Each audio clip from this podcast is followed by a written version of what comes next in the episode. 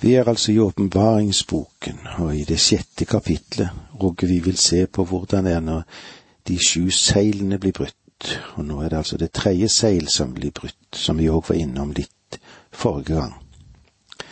Og la oss gjenta versene fem og seks. Da lammet brøt det tredje seilet, hørte jeg den, det tredje vesen si kom. Da så jeg en svart hest og han som satt på den, hadde en vekt i hånd. Og jeg hørte like som en røst inniblant de fire vesener. En liter hvete for en daglønn, tre liter bygg for en daglønn. Men oljen og vinen må du ikke skade. Det er sagt av den greske historien Herodot han sier det altså slik at et kvart mål korn var en soldats daglige matrasjon. En denar, det var en dagslønn, slik som du kan se det i Matteus 22. Derfor vil de fleste være ute av stand til å skaffe seg mat, både for seg selv og familien. Olje og vin er luksusvarer som den rike kan glede seg over. De rike kunne ta for seg av både det nødvendige matvareslag og av luksusvarer. Her møter vi egentlig et kolossalt fattigdomsproblem. Det vil ikke bli borte, nei, det vil øke. Og eh, får jeg igjen understreke at hunger, ja, det følger alltid etter krig. Og det er det vi møter her. Nå går vi så litt videre og ser på det fjerde, fjerde seil som blir brutt. Da lammet brøt det fjerde seil, hørte jeg det fjerde vesen rope kom. Da så jeg en gulblek hest. Rytterens navn var Døden, og dødsriket var i hans følge. De fikk makt over fjerdedelen av jorden så de kunne drepe med sverd, hungersnød og pest, og ved hjelp av jordens ville dyr. Her møter vi sykdom og pest som tar ut en fjerdedel av innbyggertallet på jorden. Den medisinske behandling, den strikker ikke til. Rytterens navn, det var døden. Døden er ikke mer personlig her enn i krig. Selv om rytteren får navnet døden. Det er mer involvert i fysisk død enn bare det du kan se. For et menneske er mer enn det fysiske, og døden er mer enn avslutningen på den fysiske aktiviteten. Mens døden griper inn i legemet, så er Hades sted dit de fortapte menneskes ånd går, slik som det står i Lukas 16, 23. Så døde den fattige, og englene bar ham til Abrahams fang. Den rike døde også og ble begravet. Da han slo øynene opp i dødsriket, hvor han var i pine, så så han Abraham langt borte og Lasarus ved hans side. Dødsriket var i hans følge. Ordet for Hades blir uheldigvis enkelte ganger oversatt med ordet helvete, noe som for eksempel har vært og blitt gjort i det som vi leste fra Lukas 23, der det tales om den rike mannen og Lasarus men i vår moderne oversettelse er det riktig betegnet som dødsriket. Her ligger ordet Hades til grunn og henviser ikke til det helvete i det hele tatt. Her tales det om fysisk død.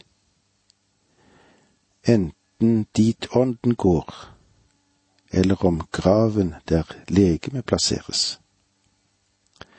Med andre ord, når døden tar legeme, så er det Hades det sted det de fortapte menneskets ånd går. Slik talte Jesus om denne saken. Paulus personifiserer døden i Romerbrevet 5.14, som han også gjør med synden i det samme verset. Og det gjør han for å understreke det det dreier seg om. Synden og døden kom inn i verden på samme tid. Død er et resultat av synd. Under tidsperioden fra Adam til Moses begikk ikke et menneske den samme synd som Adam, og deres synd var ingen overtredelse av en lov, slik den var det for Adam. For de ti bud var en ikke gitt, og likevel var det en periode da mennesket syndet og døde. Adams synd blir deres synd, for de døde som Adam døde. Selv små barn døde under storflommen. Døden har åpenbart en trefoldig mening som vi vanligvis ikke knytter til den. Vi tenker på døden i første rekke som den som henviser til legeme. Det første er altså dette er fysisk død og har bare med kroppen å gjøre. Og denne død kommer til mennesket på grunn av Adams synd. Og det andre vi har, og det er det som er kjent som åndelig død, som er en adskillelse og et opprør mot Gud. Vi arver en død natur fra Adam. Det vil si at vi har ingen dragning mot Gud, og ingen lengsel etter ham i det hele tatt. Og det tredje og det siste er dette at vi har en evig død, som er en evig adskillelse fra Gud. Uten at et menneske er forløst, så følger det uunngåelige. Dette er den andre død, som vi finner mer omtalt når vi kommer til det i kapittel 20, vers 14. Før Adam syndet, så sa Gud til ham, For den dagen du eter av det, skal du sannelig dø. Slik som det står i første Mosebok i det andre kapittelet, vers 17. Vel, Adam levde fysisk sett mer enn 900 år etter dette, men han var død åndelig sett fra Gud. Han løp fra Gud. Han hadde ikke lenger noen lengsel etter fellesskap med Gud. Han døde åndelig. Og den fysiske død fulgte, og den er kommet inn i menneskeslekten den griper mer og mer inn i slektens liv. De fleste av oss stives opp i dag med moderne medisiner, og det er jo en fantastisk utvikling innen det medisinske og vitenskapelige området for at vi skal kunne holde oss i live. Men faktisk så er det slik at menneskeslekten er på vei nedover. Menneskelivet ville vært langt kortere hvis det ikke ville være slik at alle de mange moderne innretninger kom til oss og støtte oss og holdt oss i live lenger her nede. I det verset som jeg henviste til, altså Romerbrevet 5,14, der blir det sagt om Adam at han kom til å dø. Den andre Adam, det er den type på Kristus Døden må legges ved Adams dør som hans totalansvar. Du forstår at Gud skapte ikke mennesket for at det skulle dø. Det var en straff påført på grunn av Adams overtredelse av Guds bud. Siden han er det samlende hodet for slekten og hans overtredelse, den ble jo vår overtredelse, og hans død ble vår død. Men nå er det slik at Kristus er hodet for den nye skapningen, og denne nye skapning har sitt liv bare i Kristus. Han alene kan gi liv. Han er i helhet ansvarlig for det liv og den evige gnist som bor i dem som er hans egne. Og disse tingene som er så viktige for oss å ta med oss. Det var eh, så langt vi kom i dag. Takk for nå, må Gud være med deg. Dette undervisningsprogrammet består av to deler. Åge Nevland fortsetter nå med andre del av dagens undervisning. Vi er i åpenbaringsboken. Vi er i det sjette kapitlet der. Og vi vil være til stede når de sju seil blir åpnet. Vi har vært med på å åpne de tre første seilene, og vi er midt inne i det fjerde seilet som blir brutt. Og i det fjerde seilet som blir brutt, leser vi om i versene syv og åtte. Da lammet brøt det fjerde seil, hørte jeg det fjerde vesenet rope Kom. Da så jeg en gulblek hest. Rytterens navn var Døden og dødsriket var i hans følge. De fikk makt over fjerdedelen av jorden, så de kunne drepe med sverd, hungersnød og pest, og ved hjelp av jordens villdyr. Under den store trengsel så vil døden ri uhindret. Det er Jesus selv som har formulert det slik som vi ser òg i Matteus 24, 22.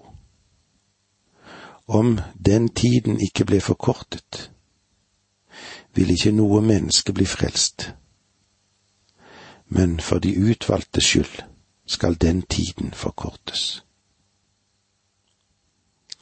Ved dommen ved den store hvite trone vil døden til sist knuses.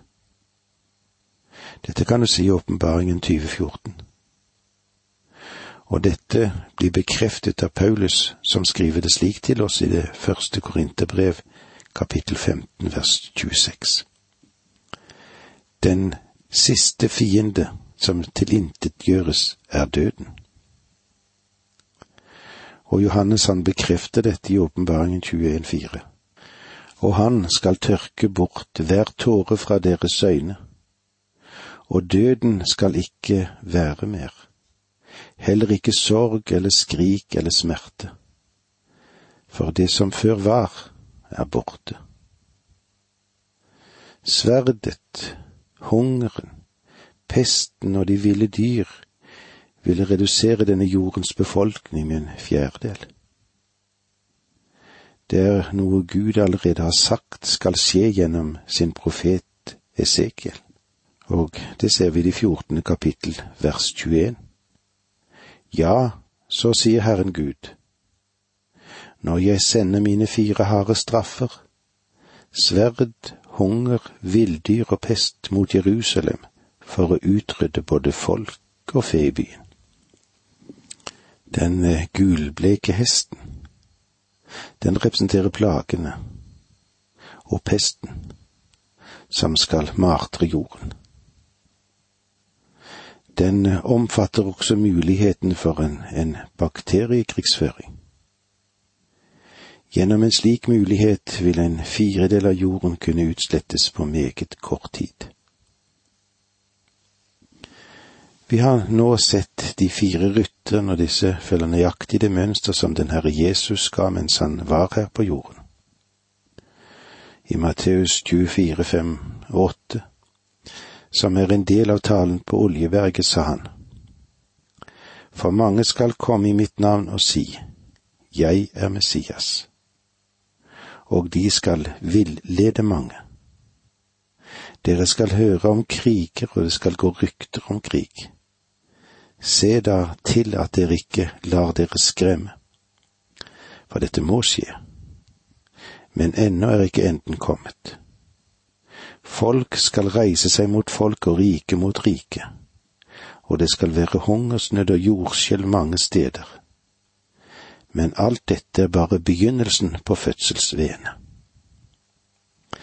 Dette er åpningen av den store trengsel. Vi går nå frem og ser på det femte seil som blir brutt, og da leser vi sammen versene ni og ti i kapittel seks. Da lammet brøt det femte seil, så jeg under alter sjelene til dem som var blitt slått i hjel for Guds ords skyld, og for det vitnesbyrd de hadde. De ropte med høy røst, Hvor lenge vil du vente, hellige og troverdige Herre, før du holder dom og straffer dem som bor på jorden, fordi de har utøst vårt blod. Dette alteret ser ut til å være i himmelen, og eh, synes å være det stedet der Jesus presenterte sitt blod for verdens synd. La meg få lov til å bekrefte dette, som vi får dog i Hebreerbrevet 9, 23 og 24. De jordiske bilder av de himmelske ting må altså renses på denne måten. Men selve den himmelske helligdom renses ved offer, som er bedre enn disse. For Kristus gikk ikke inn i en helligdom som var gjort av menneskehånd, og bare er et bilde av den sanne helligdom. Han gikk inn i selve himmelen. Nå skulle han for vår skyld tre frem for Guds ansikt. De sjeler som ble nevnt her, er de hellige fra Det gamle testamentet, slik Jesus sier det til oss i Lukas 11, 50 og 51. Derfor skal denne slekt få svare for alt det blod av profeter som er utøst helt siden verden ble til. Fra drapet på Abel og like til drapet på Zakaria, han som ble drept mellom alter og tempelet. Ja, jeg sier dere at denne slekt skal svare for det. Knyttet sammen med disse er de som vil bli drept under den store trengselstid, der vi har sett at en fjerdedel av jordens befolkning vil bli utryddet. Disse står på trygg gammeltestamentlig grunn når de ber om rettferdighet på bakgrunn av Guds hellige lov. Og i vers elleve her i kapittel seks så leser vi slik. Da fikk hver av dem en hvit kappe, og de blir bedt om å holde seg i ro ennå en liten stund, inntil tallet på deres medtjenere og brødre var fullt, de som skulle slås i hjel slik som de selv. Med andre ord skal de hellige fra trengselstiden knyttes sammen med de hellige i Det gamle testamentet i en annen oppstandelse, eller i den andre oppstandelse. Vi ser nå hvordan det er når det sjette seilet blir brutt. Vi leser versene tolv og tretten. Og jeg så lammet åpne det sjette seil. Da kom det et stort jordskjelv. Solen ble svart som en sørgedrakt. Hele månen ble som blod og himmelens stjerne falt ned på jorden som når umodne frukter drysser ned av et fikentre i storm. Dette er begynnelsen til siste del av den store trengselsperioden. Den store vredens dag møter oss. Den store trengsel både åpner og avsluttes med endringer i naturen. Det første er begynnelsen av trengselen. La oss se i apostlenes gjerninger i det tyvende verset kapittel to. Solen skal forvandles til mørke, og månen bli som blod.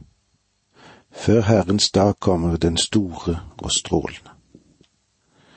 Så har vi slutten av trengselen som vi òg ser både Joel og Jesaja og i Matteus 24, 29 så snart trengselstiden er over, skal solen bli formørket og månen miste sitt lys. Stjernene skal falle ned fra himmelen, og himmelrommets krefter skal rokkes. Det at det, det kan være en del økning av jordskjelv i vår tid, det er ingen fullbyrdelse av dette skriftstedet i det hele tatt. Dette skal finne sted under den store trengsel. Men det er interessant å legge merke til at det er beregnet at jordskjelv under de siste 4000 år har krevd minst 13 millioner menneskeliv. Men det renner en sterkere rystelse som skal til å komme ifølge det som vi har i åpenbaringen 1618.